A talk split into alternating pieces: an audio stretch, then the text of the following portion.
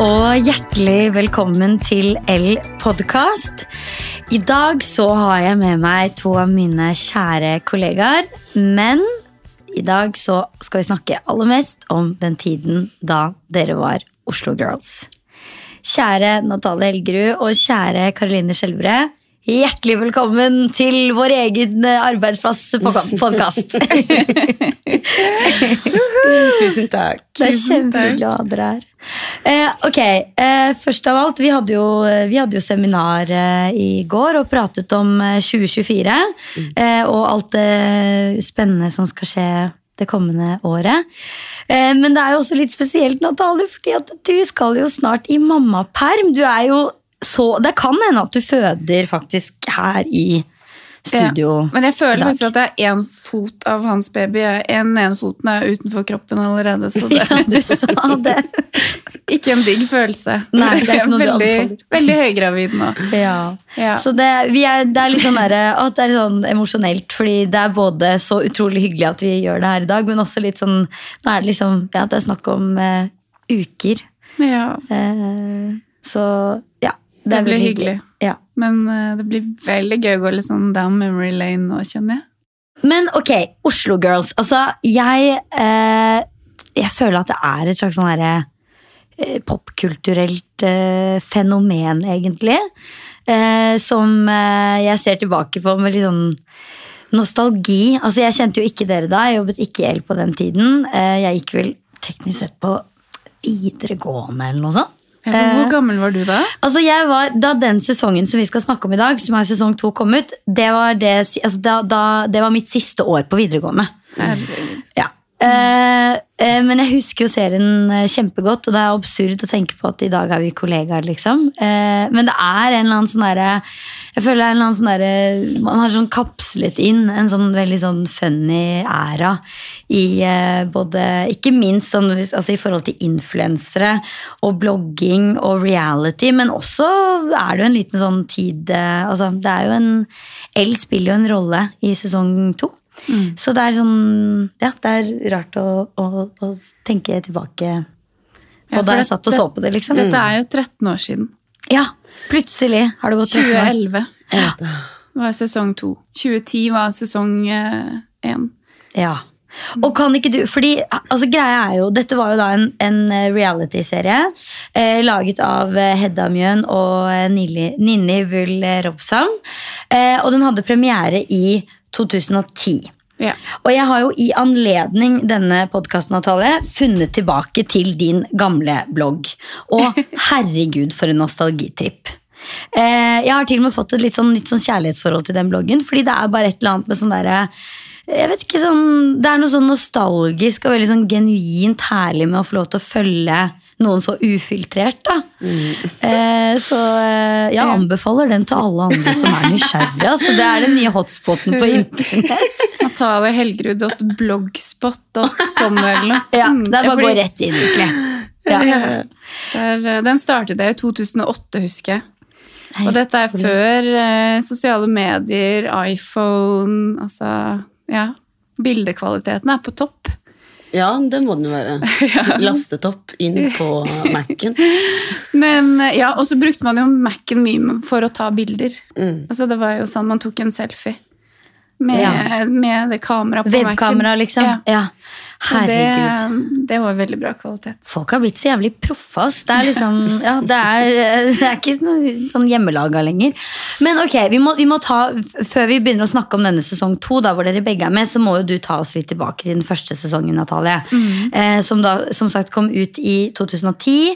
Eh, den ble sendt på VGTV. Oh yes.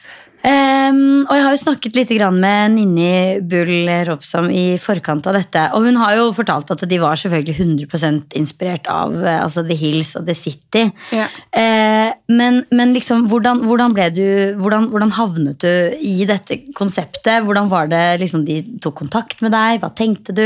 da Du hørte om det?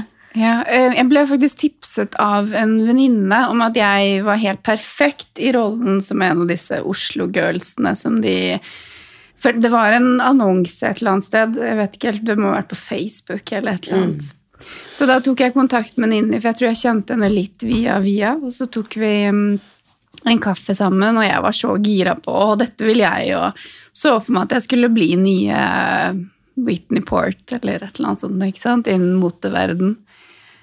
Eh, og de tydeligvis likte meg godt, så jeg husker de sa i det møtet ok, men vet du hva, du er helt perfekt. Det blir deg. Du blir en av dem. Vi kan ikke si hvem de andre blir enda, men vi skal i hvert fall ha med deg. Bare, Herregud, så kult. Herregud, ok, yes. og dette her var da i 2010.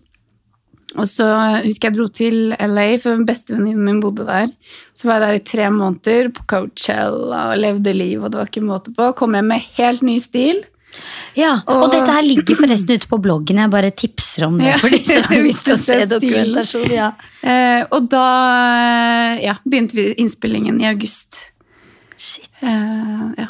Og så når var det den gikk på Eh, eller vi, Nei, vent da, vi spilte nok inn eh, juni. Mai og juni, og så, og så så gikk den live eh, i august. Sånn var det. Ja, Husker ikke så godt, det er 14 år siden. Ja. Men eh, nei, så det var jo eh, det man på en måte ikke sa noen gang, og som kanskje var litt kjipt, var at det her var jo kun skuespill. Eh, det var jo ikke noe som var ekte. Ingenting var ekte. mm. Jeg husker jeg fikk em, et ark med bilde av masse kjekke menn, eller gutter. Ja, er det noen av disse her du liker eh, godt? Og jeg bare hm, Han der som har litt sånn langt, lyst hår, var jo fin. Dette er oldtidens Tinder. Ja, ja, ja. Eh, men det var faktisk gutter fra et modellbyrå da, som de leide inn for å skulle liksom ha med på. Oslo Girls. Ja. Eh, og det veldig fun fact er jo at jeg faktisk eh, jeg ble med han hjem på et tidspunkt. Nei. Denne Vegard. Nei. Men det var jo uh, lenge etter at Oslo Girls var ferdig innspilt. Ja. For jeg syns jo liksom at han var litt kjekk, så jeg tenkte jeg må jo teste han ut. um, ja, og bare sånn det sagt, det ble bare klinings, men okay. jeg husker veldig godt at jeg våknet opp dagen etterpå, og det var ganske tidlig, og han bare um, Unnskyld. Um, jeg tror du må gå hjem nå. Så jeg bare å, ja, fordi jeg skal i kirken. Så jeg bare å, ok. Jeg husker jeg hadde på meg veldig, veldig kort kjole. Gikk ut av den leiligheten, og han bodde tydeligvis i et kollektiv da, med andre kristne. Og jeg følte meg Å ja, altså var- så løs på tråden. Jeg gikk bortover løkka der. Ja, neida, Så jeg fikk i hvert fall uh, Dette er sånn life imitates Ja. art-øyeblikk. Jeg fikk testet ut eh, Vegard, Vegard, ja, ikke sant? Han var, han var, han var, du halte riktig. Ja, men Veldig søt og hyggelig fyr, og hei, Vegard, hvis du hører på, men ja. Det ble ikke oss, da, for å si det sånn. Men ok, så, eh, men liksom var det, men var det noen av eh, For Ninja fortalte at, det, eh, at altså, det var ingen replikker, så dere fikk på en måte egentlig bare instruksjoner instruksjoner sånn Ok, i løpet av denne scenen så må du prøve å overtale Vi var typ på Skaugum da før eh, det åpnet, og fikk eh, drikke øl og koste oss, og vi var en gjeng, og så ok, eh, nå skjer det sånn og sånn, du skal bli veldig sur på Astrid eller Erlend Elias eller Ja, for Erlend Elias han var også med. Ja, ja, ja. Ja, for dere var jo fire jenter som var liksom disse Oslo-girlsene. Det var jo deg, og så var det eh, Maria Amanda, og så var det Isabel Ringnes, og så var det en, Astrid. Astrid Dyson. Astrid Dyson. Og jeg, Ja. jeg visste ikke hvem noen av disse menneskene her var før Nei. ehm, Så de sjekka ikke sånn kjemien mellom dere sånn Men da jobbet dere på Min Mote? Nei. Eh, nei, vi, hadde, vi skulle liksom angivelig ha et internship på Min Mote hos Silje Pettersen. Mote-Silje. Mm. Eh, og det mm, Ja. Men vi var der kanskje spilte inn en dag, så det var ikke så mye Det ble ikke så mye mote, da, for å si det sånn, i den serien. Det ble jo mer sånn drama og uh, ut på byen og Ja, men det var veldig gøy å spille inn. Den morsomste scenen, da husker jeg da hentet de meg etter at jeg hadde vært på nachspiel. På? På ekte nachspiel. Ja. I Frognerparken. Eh, for vi skulle spille inn en scene idet solen sto opp. Oh, Ja, men den husker jeg! Ja. Ja. Og da husker jeg han jeg holdt på med på det tidspunktet, sto liksom ved siden av og ventet på at vi skulle typ dra hjem etterpå. Så det var veldig eh, Egentlig var liksom ditt ekte liv mye mer spennende enn den serien. Det, er det, altså, Jeg tror kanskje det. Men ok, men hvordan var det liksom, fordi eh, du har jo skrevet litt på denne eh, bloggen, da, som jeg nå på en måte prøver å gi en liten renessanse her. Um, eh, så har du jo skrevet liksom om litt sånn tanker og forventninger, hvor du blant annet skriver sånn, jeg er med i et nytt prosjekt, og det blir, jeg kan ikke si hva det er enda, men liksom gleder meg til jeg kan dele med dere. Eh, og så kom jo denne serien ut, hvordan var liksom tilbakemeldingen og det at, eh, altså dette, du plutselig var du liksom Ja, nei, altså jeg fikk helt sjokk. Jeg husker jeg våknet opp den dagen av og gikk inn på bloggen. Ja, ja. Og hadde så mange kommentarer, og veldig mange stygge kommentarer, og folk lurte fælt på hvem jeg var, og om jeg hadde gått på en vegg fordi nesa mi var så skjev, og, og det var litt sånn Ja, janteloven ja. eh, Altså, jeg følte ja. Åh, hva skal man si? Det var, ikke, det var ikke noe gøy, da, egentlig. Så husker jeg skulle mm, da, Den tiden etterpå, hvis jeg skulle ta bussen eller lik ned langs Karl Johan, så, så ble jeg alltid stoppet. Og der, der er hun fra Oslo Girls! Herregud, der er hun fra Oslo Girls! Og jeg var sånn Hæ? Følger liksom folk så med? Så det ble jo en helt sånn Fra å egentlig være en veldig anonym eh, person til å plutselig bli sånn megakjent. Det, er jo sprøtt. um, Og det er jo det som ofte skjer med reality-deltakere. Liksom, fordi man er på en måte, man er jo, Folk snakker om en sånn reality-bobla, liksom. Selv om dette var jo, også, det er jo skripta reality, da. Men liksom, du er inni en boble, og så sprekker den, og så plutselig så ja. tror alle at de kjenner deg, liksom. Ja, så det, det var veldig rart. Og folk var eh, Det var veldig mye sånn ungdommer og sånn da på den tiden. Og, og jeg tok jo bussen, selvfølgelig, fordi jeg hadde ikke akkurat råd til å ta taxi. Eh, eh, og da var det alltid folk som skulle komme bort. Det var liksom alltid folk som skulle ta bilder. Altså, det, ble herregud. nest, det, altså, det var litt slitsomt. Så jeg, jeg fikk jo litt sånn um, angst nesten inni meg, eh, og, og slet litt med det en periode etterpå, fordi jeg klarte ikke helt å takle det som skjedde, da. Eh, og jeg kunne kanskje ønske at jeg måtte, hadde noen som var proffe, som kunne hjelpe meg litt gjennom det. Fordi jeg burde brukt det her som et springbrett videre, mens jeg ble mer sånn at jeg syntes det ble noe tabubelagt, så jeg ønsket ikke å liksom oh, ja. snakke om det. Jeg ønsket ikke å hause det opp. Jeg ønsket ikke å liksom ja, ri på den bølgen for å kanskje altså, bli rikskjendis eller whatever. Jeg hadde sikkert hatt muligheten til det, men lyst, da ble jeg veldig sånn anti. da. Og da hadde jeg lyst til å vise meg, så plutselig så ble jeg sånn eh, Dro bare på kunstutstillinger, skulle liksom være veldig sånn Fordi jeg følte at jeg måtte få frem en annen Annen side, side av meg selv. Ja. Eh, fordi det var jo Sånn jeg ble fremstilt i serien, var jo egentlig ikke meg på noen som helst måte. Nei, det er ikke sant, tilbake til dette med, med forskjellen på liksom, altså reality. Alt dette her går gjennom klipping, men det her er på en måte scripted i tillegg. så liksom og, og folk skjønte jo ikke, Det var jo en greie husker jeg, sånn med The Hills. og sånn at Da man skjønte at det, alt hadde vært skrevet Man trodde jo at det var på ekte at Olivia Palermo var Ja, ja. verdens verste menneske. liksom Men Og da man skjønte at det var eh, skripta, så Ja. var jo det en sånn hva? liksom For det var jo veldig nytt. Så det er jo noe med at du må jo liksom da på en måte altså i, hermetegn stå for en versjon av deg som tar ta valg som ikke du har tatt, på en måte. Eller sånn, Ja. ja. Ja, men motebransjen da var også litt sånn tøysete. Altså, Ja, ja. Det her er jo såpass lenge siden at man så jo på liksom, folk som jobbet i motemagasiner, sånn som tullete damer. Det var Og mye man- mer kjendisopplegg, eh, Ja, sånn, liksom. Ja. et, Ingen liksom skjønte liksom businessen, at det egentlig var Å ja, hvis du jobber i tekstilbransjen, så driver du egentlig butikk. Men det er jo nå veldig mange har skjønt at det er jo en av de største industriene i hele verden. Det er altså tekstil og i gåsetegn motebransjen er er jo en big business, men da så, så man kanskje på bloggere og stylister og motepersonligheter både i utlandet og i Norge som litt sånn, en litt sånn tullete kjerringindustri. 100% Og nå har det fått mye mer sånn Å ja, wow, du er skikkelig Og det er det verste ordet. Jeg hater et ord her. Power lady. Som, som har gjort det bra i motbransjen. Men, men nå så ser man på den bransjen som en mye mer sånn businessbransje. da.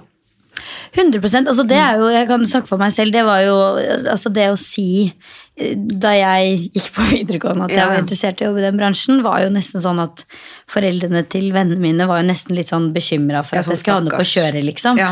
Eh, og det var også hele grunnen til at jeg var keen på å stikke til London og studere dette i utlandet, hvor det fantes en helt annen eh, historie og altså bare sånn ikke sant, Det å dra til London og liksom være Gå i liksom oppleve Savile Row og liksom være et sted hvor dette her var et eh, eh, noe å være stolt av, og, og, og en sånn, det hadde en sånn forankring i både kultur og historie som ikke vi kunne vise til på noen som helst måte her hjemme. Ja. Fordi skulle man faktisk få kontakter da, i Oslo, så fant du de etter klokken 11 på kvelden på Fisk og vilt, eller Ikke sant? eh, Altså, det var Jeg tror alle jeg liksom Som jeg har For jeg, på det tidspunktet så var jeg veldig god på å bygge nettverk, og jeg tror alle de menneskene som jeg møtte på eh, ja, i den tiden, det, det var liksom på fylla. Men det er veldig mye takket være mange av de at jeg liksom egentlig kom meg inn i motbransjen, men det var en veldig useriøs bransje.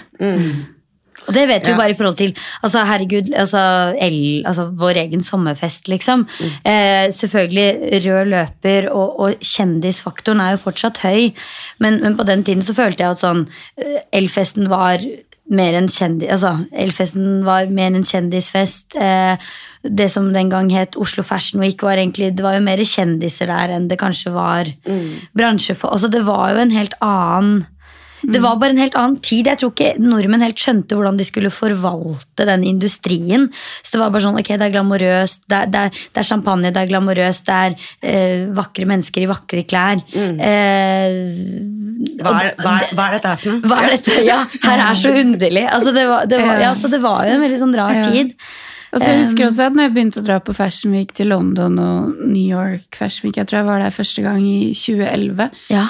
Så eh, var jo eh, Det var jo eh, på kveldene.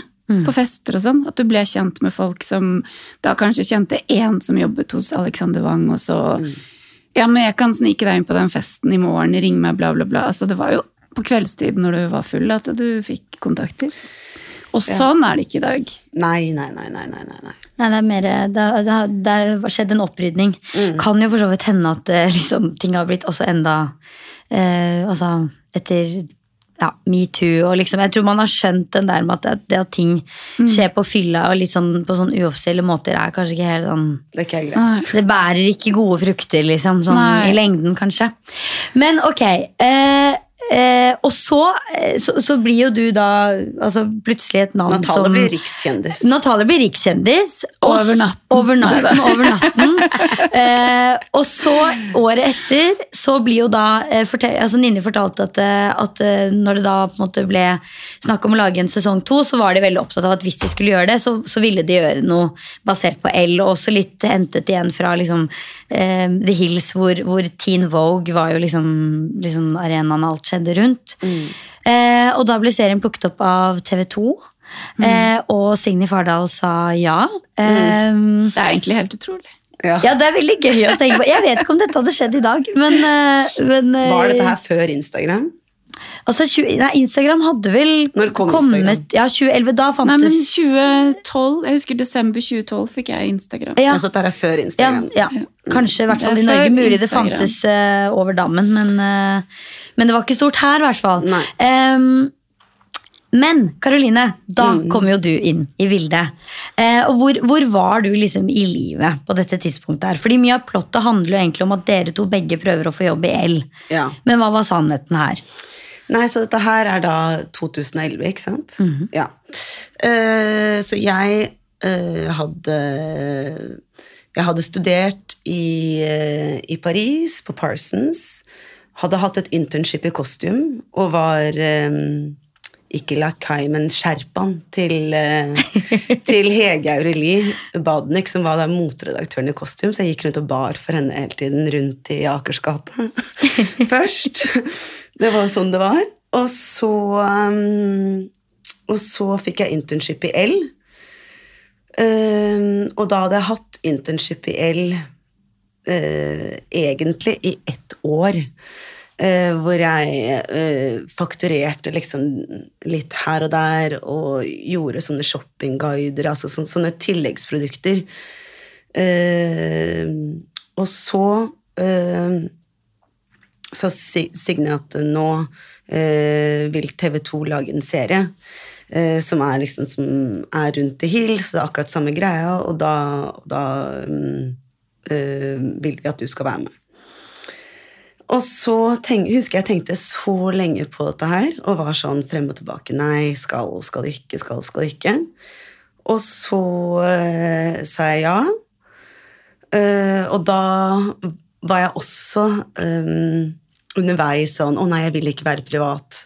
For de ville egentlig at jeg skulle være mye mer privat enn det jeg egentlig var i serien. Eh, men så ble jeg med, da. Eh, ja. Hadde du sett første sesong? Kjente Ja. dere hverandre? Hvordan var liksom uh... Jeg kjente Natale via Fax, for da hadde dere startet Faksimile. Ja, Nei, hadde da- startet Faksimile med Elen i sesong to. Ja, det det men vi hadde, vi hadde blogget, og vi ja. Mm. Mm. Vi kjente hverandre fra alle disse eventene og liksom den lille moteklikken, eller liksom bloggklikken i Oslo. Da var det jo Det var jo Det var ikke så mange som blogget, men så, så de fleste kjente hverandre. Ja. Og ja, det var jo, da var jo Fashion Week Oslo Fashion Week var jo veldig stort på den tiden. Ja. London Fashion Week var vi vel på rundt da, tror jeg. Og ja. ja. Og jeg, jeg tror jeg jobbet som stylist på det tidspunktet. Jo, så jeg kjente til Natale, og så forklarte da um, selve plottet at da jeg og Natale skulle da konkurrere om en stilling som var da ledig i L. Men den stillingen var jo ikke ledig. Um, så da var det da jeg og Natale som da skulle konkurrere om forskjellige sånne stylingoppdrag vi fikk. Um, og noen ting var liksom 100 eh, fake og kom aldri på trykk. Men den ene tingen kom på trykk når vi stylet Sofia Lee. Ja. Og jeg hadde fått en Gucci-look, og du hadde fått husker jeg, en Burberry-look. Var det ikke det? Den sølvjakken med nagler? ja, men jeg husker veldig godt at jeg hadde tatt med en neglelakk som jeg syntes var skikkelig kul på det tidspunktet. En sånn sølvneglelakk? Eh, nei, jeg tror faktisk den var blå. Og så okay. sa eh, Petra ok, vi kan bruke den, og da var jeg sånn oppriktig sånn litt stolt. Sånn, oh my. God. Ja. Og da husker jeg faktisk at eh, den shooten og Da vant jo Natalie. Eh, og da fikk Natale cover. Husker jeg, Da, da var jeg sånn Ok, er, er det her ikke fake lenger, eller er det For da ble jeg liksom forvirret igjen. Sånn, ok, Er det faktisk på ekte? Altså, hvordan så Ja, for nå går det i trykken, liksom. Nå går det i trykken, så jeg var Ja. mange ganger jeg var sånn Ok, men nå er det faktisk ikke kødd. Altså, hva er opplegget her med serien? så det var noen ganger litt forvirrende hva som var fake, og hva som var ekte. Eh, Det er jo en sånn legendarisk episode som jeg måtte spille inn på kveldstid, hvor jeg venter på en sånn Nina Jarbrink-veske i evigheter og leter liksom i en boks under pulten. Det er nesten sånn at Ja, jeg den løfter opp letingen din er ganske episk, faktisk. Altså, det er sånn at jeg må løfte opp liksom stolen for å se om den er kommet under stolen. Og har budmannen vært der og lagt den under en klokke? Altså, det er alle mulige steder som jeg leter. Veldig kreativ. Så det, er, ja, så det var veldig mange sånne litt sånn artige eh, scener Ja. som, som da var 100% skuespill. Men um, Flink skuespiller, da. Ja, Ja. Ninni, sk skrøt veldig av, av dere begge. da som, ikke sant, som nevnt, Det var jo ingen replikker, så alt var jo bare improvisasjon. Så hun, det skulle jeg hilse og si at hun skrøt veldig av uh, deres naturlige Nat- eh, ferdigheter. Som, sk- ja, veldig naturtalent begge to. Ja, ja. Jeg Ja, fikk vi har- faktisk litt lyst til å bli skuespiller etter å ha Ja, gjort det jeg her. syns men ikke at vi har fått no- egentlig sånn nok Nei. ros for det der. eh, Og det var jo bare sånn prompt-skuespill. Altså sånn at du får scenen, og så må du eksekute. Ja. Altså, det var improvis improvisasjonsteater på høyt nivå, vil jeg si. Dere kan stikke ned på det andre teatret. Dere bare Show us the money.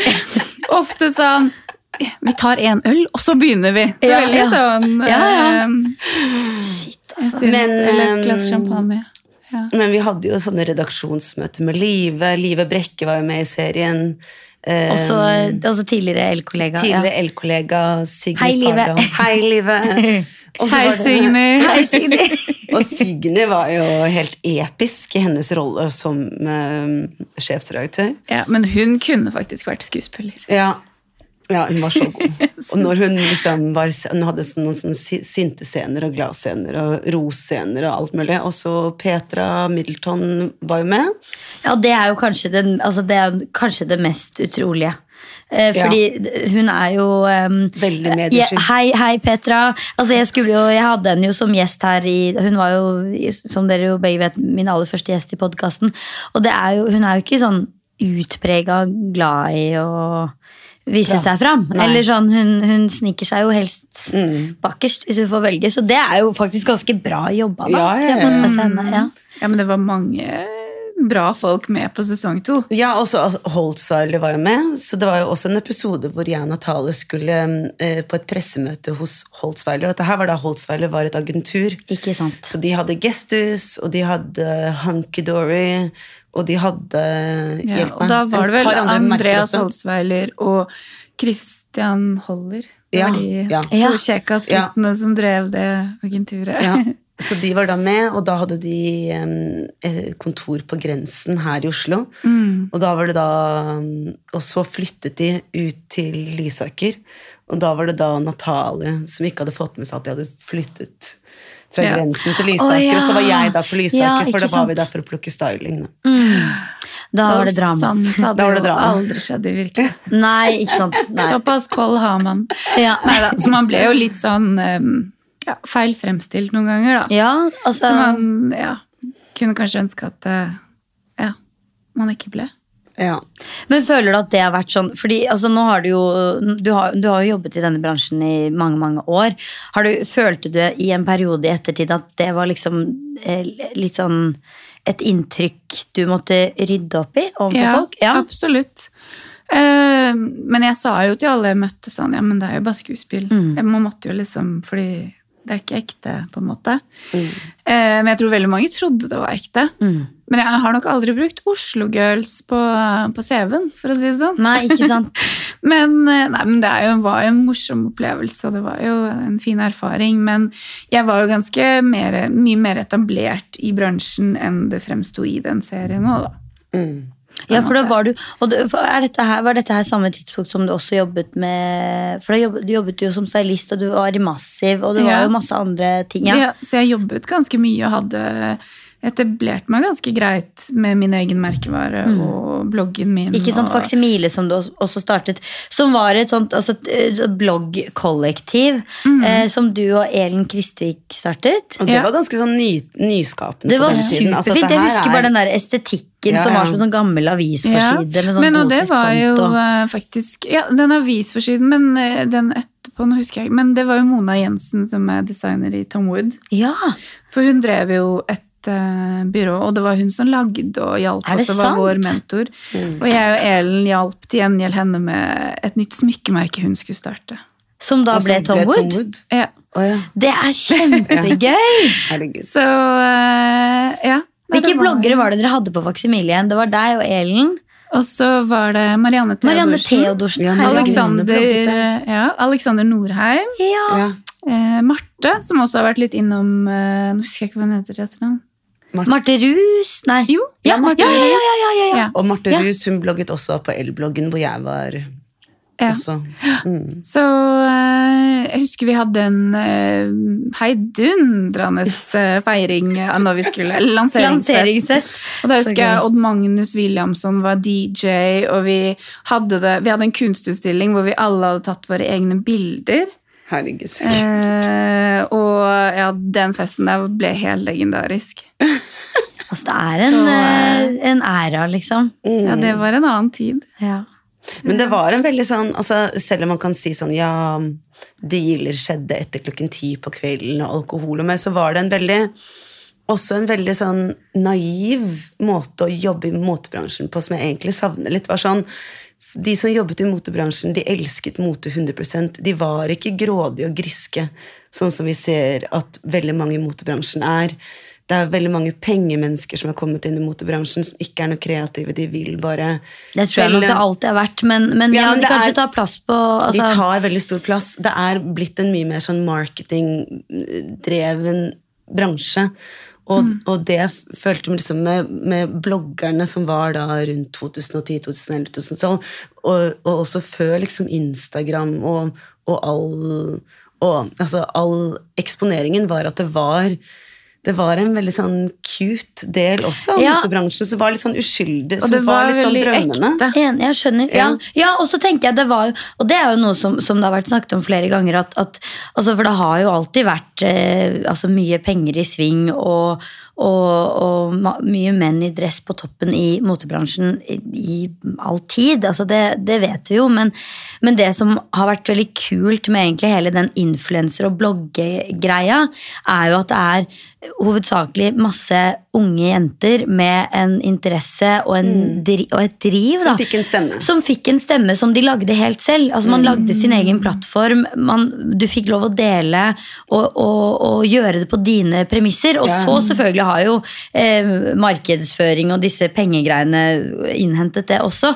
Men utgangspunktet har jo virkelig vært at dette har vært en, en, en, altså en helt ny bransje og et helt nytt fenomen som i all hovedsak er bygget opp og skapt av kvinner. Ja, ja, ja. For å inspirere hverandre. Ja, ja, og det er, eh, det er dritkult. Ja, og du fikk ikke kastet klær etter deg. Nei, nei, For nei, å si sånn, eh, Det var ditt eget klesskap, og det var ofte Altså, du gikk i butikken og kjøpte ting, og så stylet du det, og Gjorde det om. Og gjorde det om, Jeg husker det var så trendy med helt sånn ripped off uh, sorte leggings, og jeg satt uh, hjemme og lagde disse, og det var liksom det var veldig mye mer kreativ på det, altså på det tidspunktet når det kom til klesstilen. Ja, altså det er det jeg får sånn, det er det jeg får sånn, der, eh, sånn, sånn god følelse av når jeg ser på bloggen din, Natalia. At det er liksom sånn At det er liksom den derre altså, sånn som nå, da, hvor det er liksom influensere har liksom antrekk eh, fra topp til tå fra store motehus, liksom.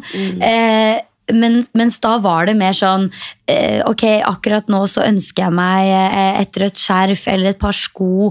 Mer enn noe annet. Det var liksom eh, bilder av bare sånn Det kunne være liksom bare sånn en liten veske med en nøkkelring og en mobiltelefon, hvor du ser at det ligger en krølla kvittering i hjørnet. Altså Det var liksom bare en sånn helt annen sånn spontan tilnærming til inspirasjon og dokumentasjon av estetikk. Som, som jeg bare føler at er sånn derre Faen, altså. det er nesten så vi har liksom, folk har nesten blitt for gode, liksom. Fordi nå er jo det influenserne produserer nesten på nivå med magasiner, liksom. De har avtaler med fotografer som tar fine bilder av dem, hvor de møtes og liksom Ja, men da var det jo bare sånn, sånn som du snakker om webkamera, eller eh, jeg er sikker på dere begge har stoppet eh, x antall fremmede mennesker i løpet av den og bare Kan du knipse? Altså sånn, ja. ja, ja, ja. Så- ja. så brukte vi disse um, kameraene med blits og sånn, da, som er blitt veldig Med selvutløser, ja. ja. Ja. ja. Vi hadde jo sånne små kompaktkameraer. Det er jo det disse influenserne De der bruker nå. G's heter Ja. G7. Men det startet jo på G1. Canon. Ja. Canon. Ja, det, ja, stemmer. Alle G1, disse det var jo liksom G1 og G2, og det var det som gjaldt da. Den hadde du i veska, og den tok jo blitsbilder, og den tok jo alt mulig slags bilder. Og, Mm. ja. Det er, jeg, nei, jeg syns det er en eller annen sånn derre Vi har noe å lære av eh, 20, 2010, eh, 2011-generasjonen altså, bloggere.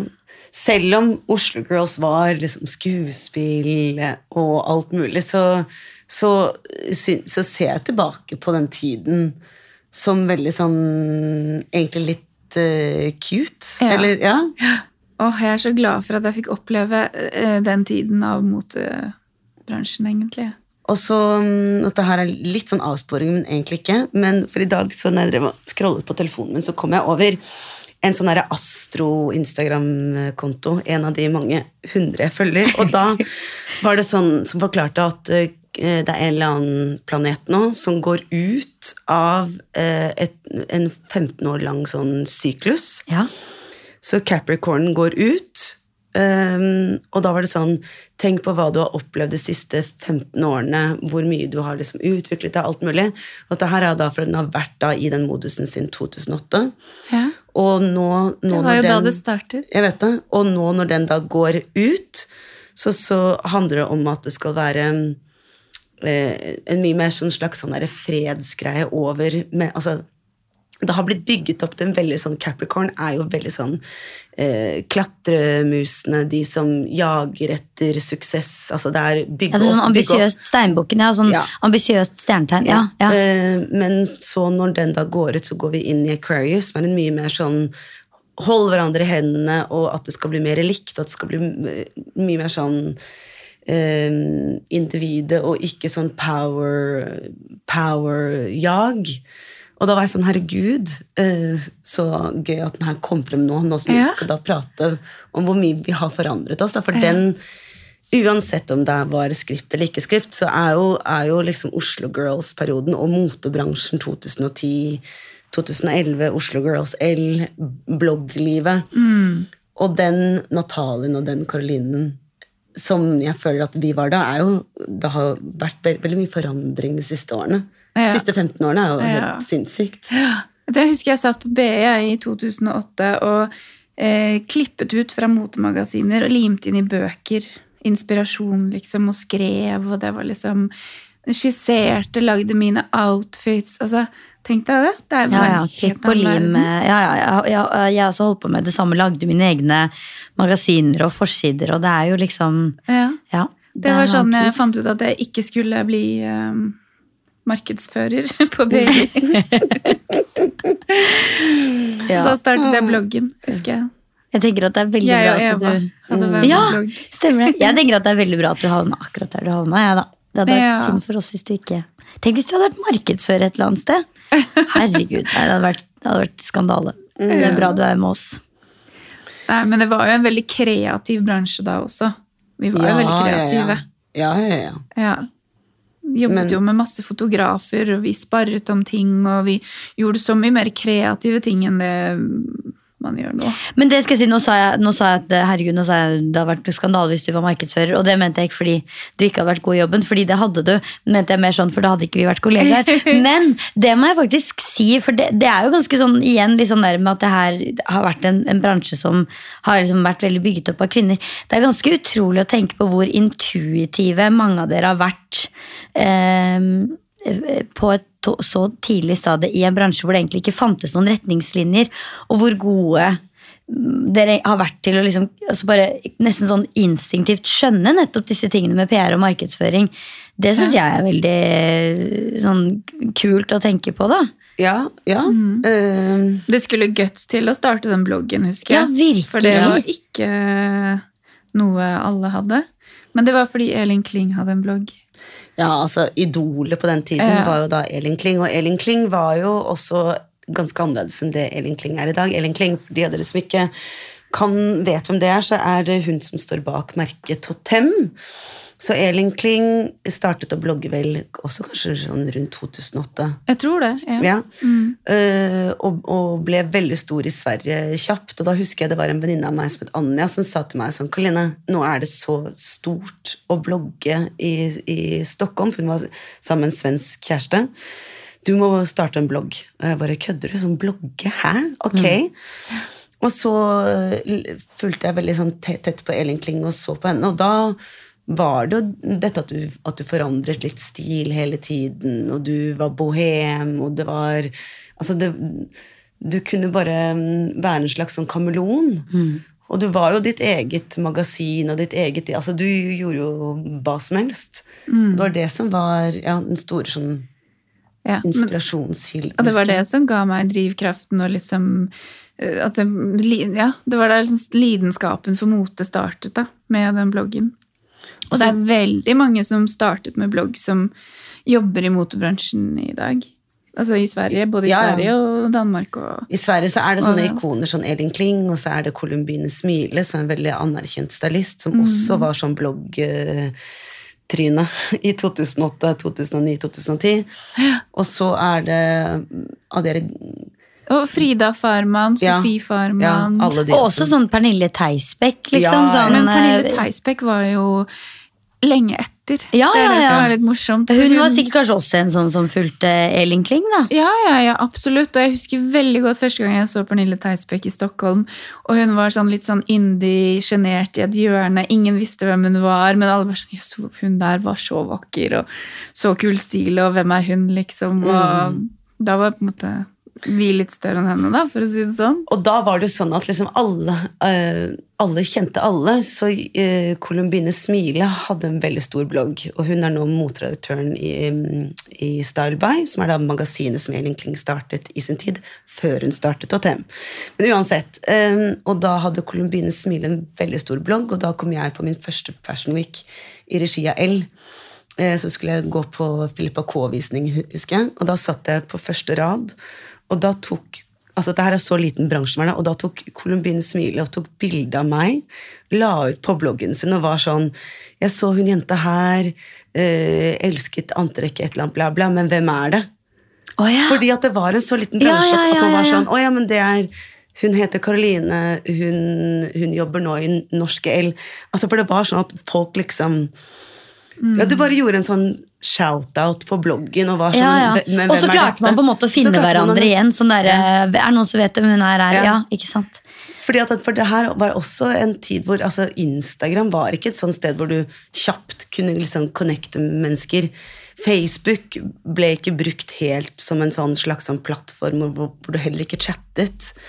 Altså, så det var jo da skrev man jo på veggen til hverandre. Sånn ja. Hei, skal vi være, skal ja, ja. Være sammen på tirsdag? Så det var liksom. jo en helt sånn annen sånn kommunikasjon som ja, er egentlig Men det er egentlig litt romantisk. Da, sånn der, og også sånn derre Igjen sånn hvor sånn, Det der med denne, denne kvinne Altså av kvinner for kvinner-influenserkulturen som ble startet, da. Mm. Også hvor ekstremt flinke dere var til å liksom fremsnakke hverandre. For det igjen, sorry altså jeg snakker om denne bloggen din hele tiden.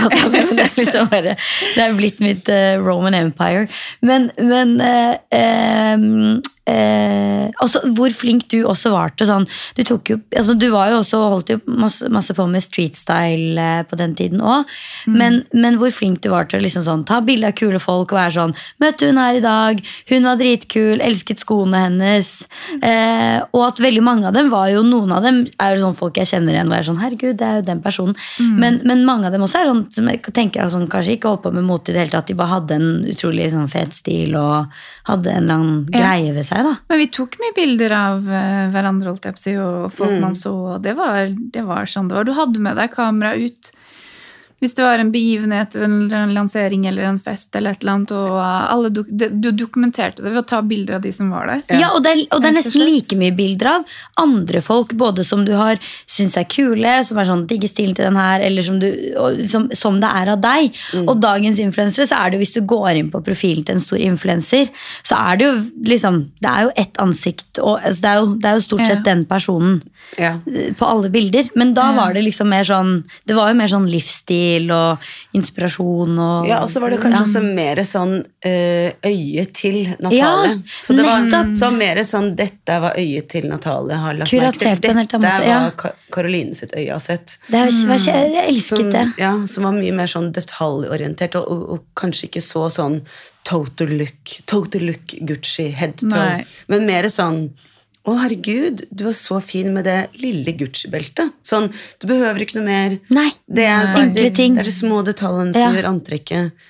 Altså at, at, det ikke var noe sånn Det var ikke noe krevende både for lommeboken eller for Eller altså, eller, eller sånn ekstremt press. Nei. Det, det var, helt sånn enkle antrekk. Det var sånn ja. Jeans, genser, og så var liksom greia sånn Nå er jeg dritglad på rødt. Jeg har tatt meg et rødt skjerf. Og så var det sånn, og det var greia. Og det var det som var mm. inspirerende. da Det var liksom ja, altså, repetisjon av antrekk, repetisjon av favorittplagg. Nå har jeg helt dilla på denne jakka eller disse skoene. Eller og da farge. så man det igjen og igjen. Det var, ja, nei, det var um, mm. Ja.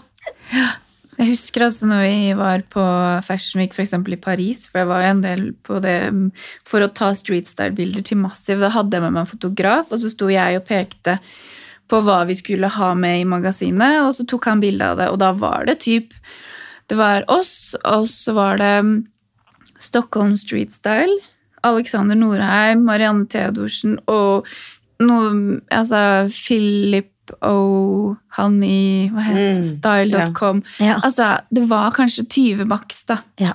Og vi kunne finne på å ta taxier til neste visning sammen. Vi kunne liksom stå der og chatte eh, Hvis du stoppet eh, Anna de la Rosso eller Olivia Palermo, så stoppet du på 'hei', og de var så hyggelige. Altså, den, den var jo så liten, den verden. Mm. Og nå, hvis du er i Paris på Fashion Week altså, Ja, det er mange hundre. Ja. altså. Gater er sperret av. og influensere er liksom kjent Altså, ja. Ja. Mm. Og i Total Looks og ja. nei, En helt annen verden nå. en helt annen tid. En annen tid. Åh. Men, men jeg har lyst til å gå inn og lese bloggen din, Natalie. Jeg syns Ja. alle skulle gjøre det. Hvor fett hadde det ikke vært hvis den fikk en revival her? Ja, men det som er synd, er at jeg hadde jo en blogg som het natalehelgerud.com etterpå, men den sluttet jeg å betale for.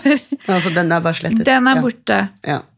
Så dette er liksom der det, hvor det hele startet. Det er Ja. det som er gøy. Men ja, gå gjerne inn og se. Eh, altså, jeg føler meg så eh, nostalgisk og litt sånn håpefull og inspirert eh, etter den praten her. Kanskje man skal eh, ta tilbake eh, den bloggverdenen som var litt på Instagram. Jeg er blitt nesten at jeg tør ikke å legge ut på Instagram ennå, for alt skal være så perfekt. og Det er litt synd. ja, men der tror jeg man skal gå eh, Bare være mye mer sånn ufiltrert. Altså, eller bare legge ut det man har lyst til å legge ut. Altså. Ja, Ja. Enig. Jeg tror vi har mye å lære av, eh, av eh, vår, vårt yngre selv. Men ok, hvis jeg, kunne, hvis jeg kan spørre dere, nå har ikke jeg forberedt dere på det, da, men jeg bare fikk lyst til å spørre nå et, altså til hver av dere. eh, Hvis dere kunne gitt et råd til deres yngre selv, Mm. som alltid er sånn fint å tenke på, eh, hva skulle det vært? Natalie, begynner med deg. Åh, det kommer til å gå bra, Natalie. Ja. Ja. Ja. For jeg husker jeg var veldig sånn fragile ofte, og mye lei meg, og veldig Altså hadde dårlig selvtillit og men, men jeg hadde veldig pågangsmot. Det skulle liksom Jeg gikk på veggen, jeg reiste meg opp igjen, og jeg kjempet hardt da, for å liksom komme opp og frem i verden. Og ja, bare sånn eh, Nyt den du er nå, liksom, og ikke stress så fælt. Mm. Det tror Du kommer dit du skal. Ja, det kommer til å gå bra. Ja. Karoline, Um, deg. Altså ja, Hva skal jeg si? Eh, altså, når når jeg tenker på liksom tiden eh, Alle disse internshipsene i motebransjen, og, og så hardt eh, jeg føler at jeg har liksom forcet og jobbet. Men, eh, men jeg vil liksom si til eh, mitt yngre selv, så blir jeg veldig stolt av hva jeg har klart å få til. Og det er en vei som har som, altså Folk tror jo at det liksom bare er liksom At det kan være liksom flaks at man ender opp der man ender, og god timing og alt det der. Men det er Og det er ikke for å liksom Dette her er noe som nordmenn hater, men det er faktisk helt sjukt mye hardt arbeid som Ja. ligger bak. Og det er ikke en så Dessverre, jenter, en så glamorøs bransje som det man tror. Det er lange dager. Men jeg vil si til mitt yngre selv eh, ikke gi opp. Du kommer til å nå målet ditt, og da kan du se hvor du skal. Så eh, for min del så har jeg liksom fått et par sånne aha-moments eh, som mitt yngre jeg, og når jeg ser på liksom Oslo Girls, Karo, hva slags bilde jeg hadde av liksom motebransjen, og hva slags bilde jeg altså, Det derre blåøyde, naive blikket har jeg litt lyst til å ta tilbake, for jeg syns det er litt synd at, eh, at det er så At det er liksom blitt litt sånn det er blitt i bransjen og motebransjen, også influensebransjen og bloggbransjen. Så jeg vil egentlig ta tilbake litt av den eh, passionate sånn fashion-jenta som jeg alltid har vært, og grunnen til hvorfor jeg er her. Men så, det, så hun har lyst til å liksom løfte litt tilbake inn i hjertet mitt og ut og frem. og så Og eh, så ja, går veien mens man går, eller hvordan Jeg er så dårlig på quotes, men du vet hva jeg Ja. skulle si. Veien blir til mens man går. Ja, ja.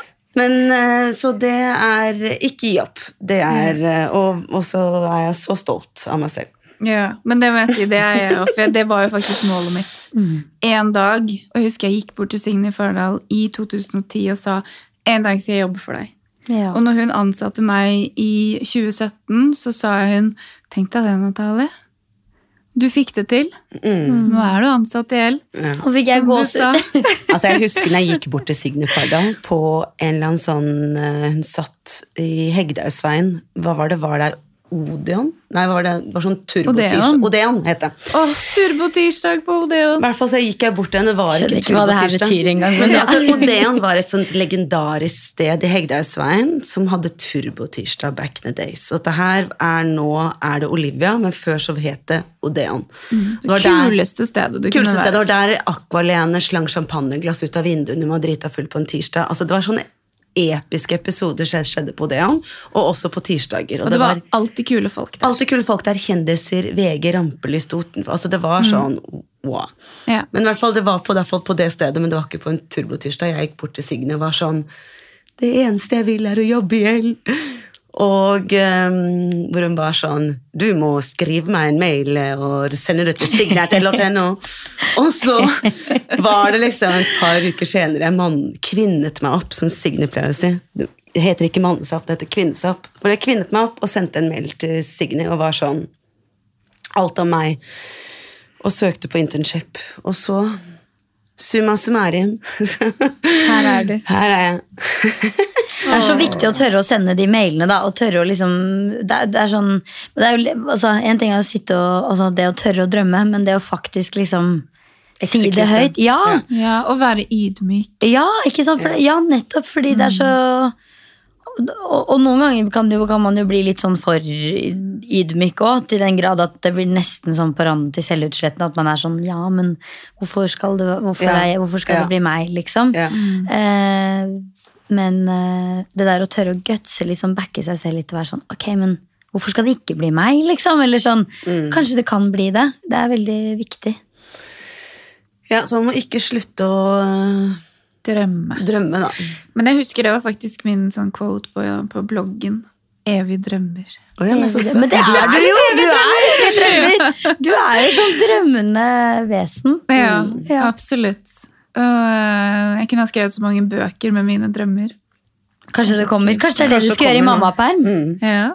Det er faktisk det er kanskje et av mine sånn, mål i livet som jeg ikke har oppnådd. Jeg husker veldig godt når jeg var liten og farmoren min og jeg satte og solte oss. Jeg tror hun også hadde litt sånne evner. Og hun sa Natalie, bare vent og se. Det kommer til å bli noe stort ut av deg en dag. Jesus. Og da husker jeg han hadde på seg et par gule solbriller som var helt sånn sotet. Og når hun døde, så var det to ting jeg ba om. Det var festhatten hennes med slør, som var det jeg tok bilde av i den utstillingen vi hadde til stemmer Faksimile. ja. Og så var det de gule solbrillene. Å ja, du har det fremdeles? Jeg har de. Så. Så fint. Ok. Ja. Nei, det var deilig å gå litt Turbotirsdag, tilbake. Oslo Girls og en liten nostalgitripp tilbake til eh, 2010-2011. Åh, vet du hva? Jeg føler at jeg er i 2010, og jeg vil ikke tilbake til 2023 og snart føde. Det, vi er Nei, i og i hvert fall ikke ut i den Å ja, vinteren. vi er der òg, ja. Jeg vet, vi er til og med 2024. Det er enda lenger inn i fremtiden.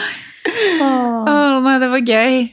Ja, Dere må komme tilbake, Natalie. Du, jeg, du må komme tilbake og fortelle eh, fødselshistorien din. Ja. Jeg, jeg er sånn sucker for Det er sånn merkelig. Eh, apropos, altså eh, For eh, Nini fortalte at eh, da hun og Hedda utviklet Oslo Girls, så var det fordi de jobbet jo med regi på mange andre ting. Og så fikk de sånn der, eh, De ble sånn hekta på reality for å koble av. For å liksom bare ha noe helt sånn eh, ja, litt sånn lett underholdning som ikke krever så mye av deg. da så det var litt sånn hekt av det. Jeg har en sånn fucka greie at jeg syns det er så utrolig spennende å høre fødehistoriene til folk. Ja, men det er det. Til tross for at jeg er jo ikke født selv, så jeg vet jo egentlig ikke hva jeg, hva jeg blir fortalt. Men, men jeg bare ja. ja. Nei, Natalie, kan du ikke komme og Jeg kan godt komme. Komme tilbake. Hvor, eh, vi får se hvor interessant det blir, da. For å være ærlig så håper jeg han kommer som ei kule. Ja, men ikke sånn altfor fort. Nei. Men vi ønsker deg lykke til, eh, Ja. Natalie. Å, tusen takk. Mm. Vi gleder oss til å hilse på deg Ja. og Lille. Lille. Jo, Ja. det blir koselig. Og jeg vil bare tilbake til 2010. Ja, og enn så lenge så vil vi alltid ha 2010! ok, tusen hjertelig takk for at dere var her. Det var var skikkelig hyggelig å ha en sånn her stund sammen. Ja. Ja. Vi ses i fremtiden.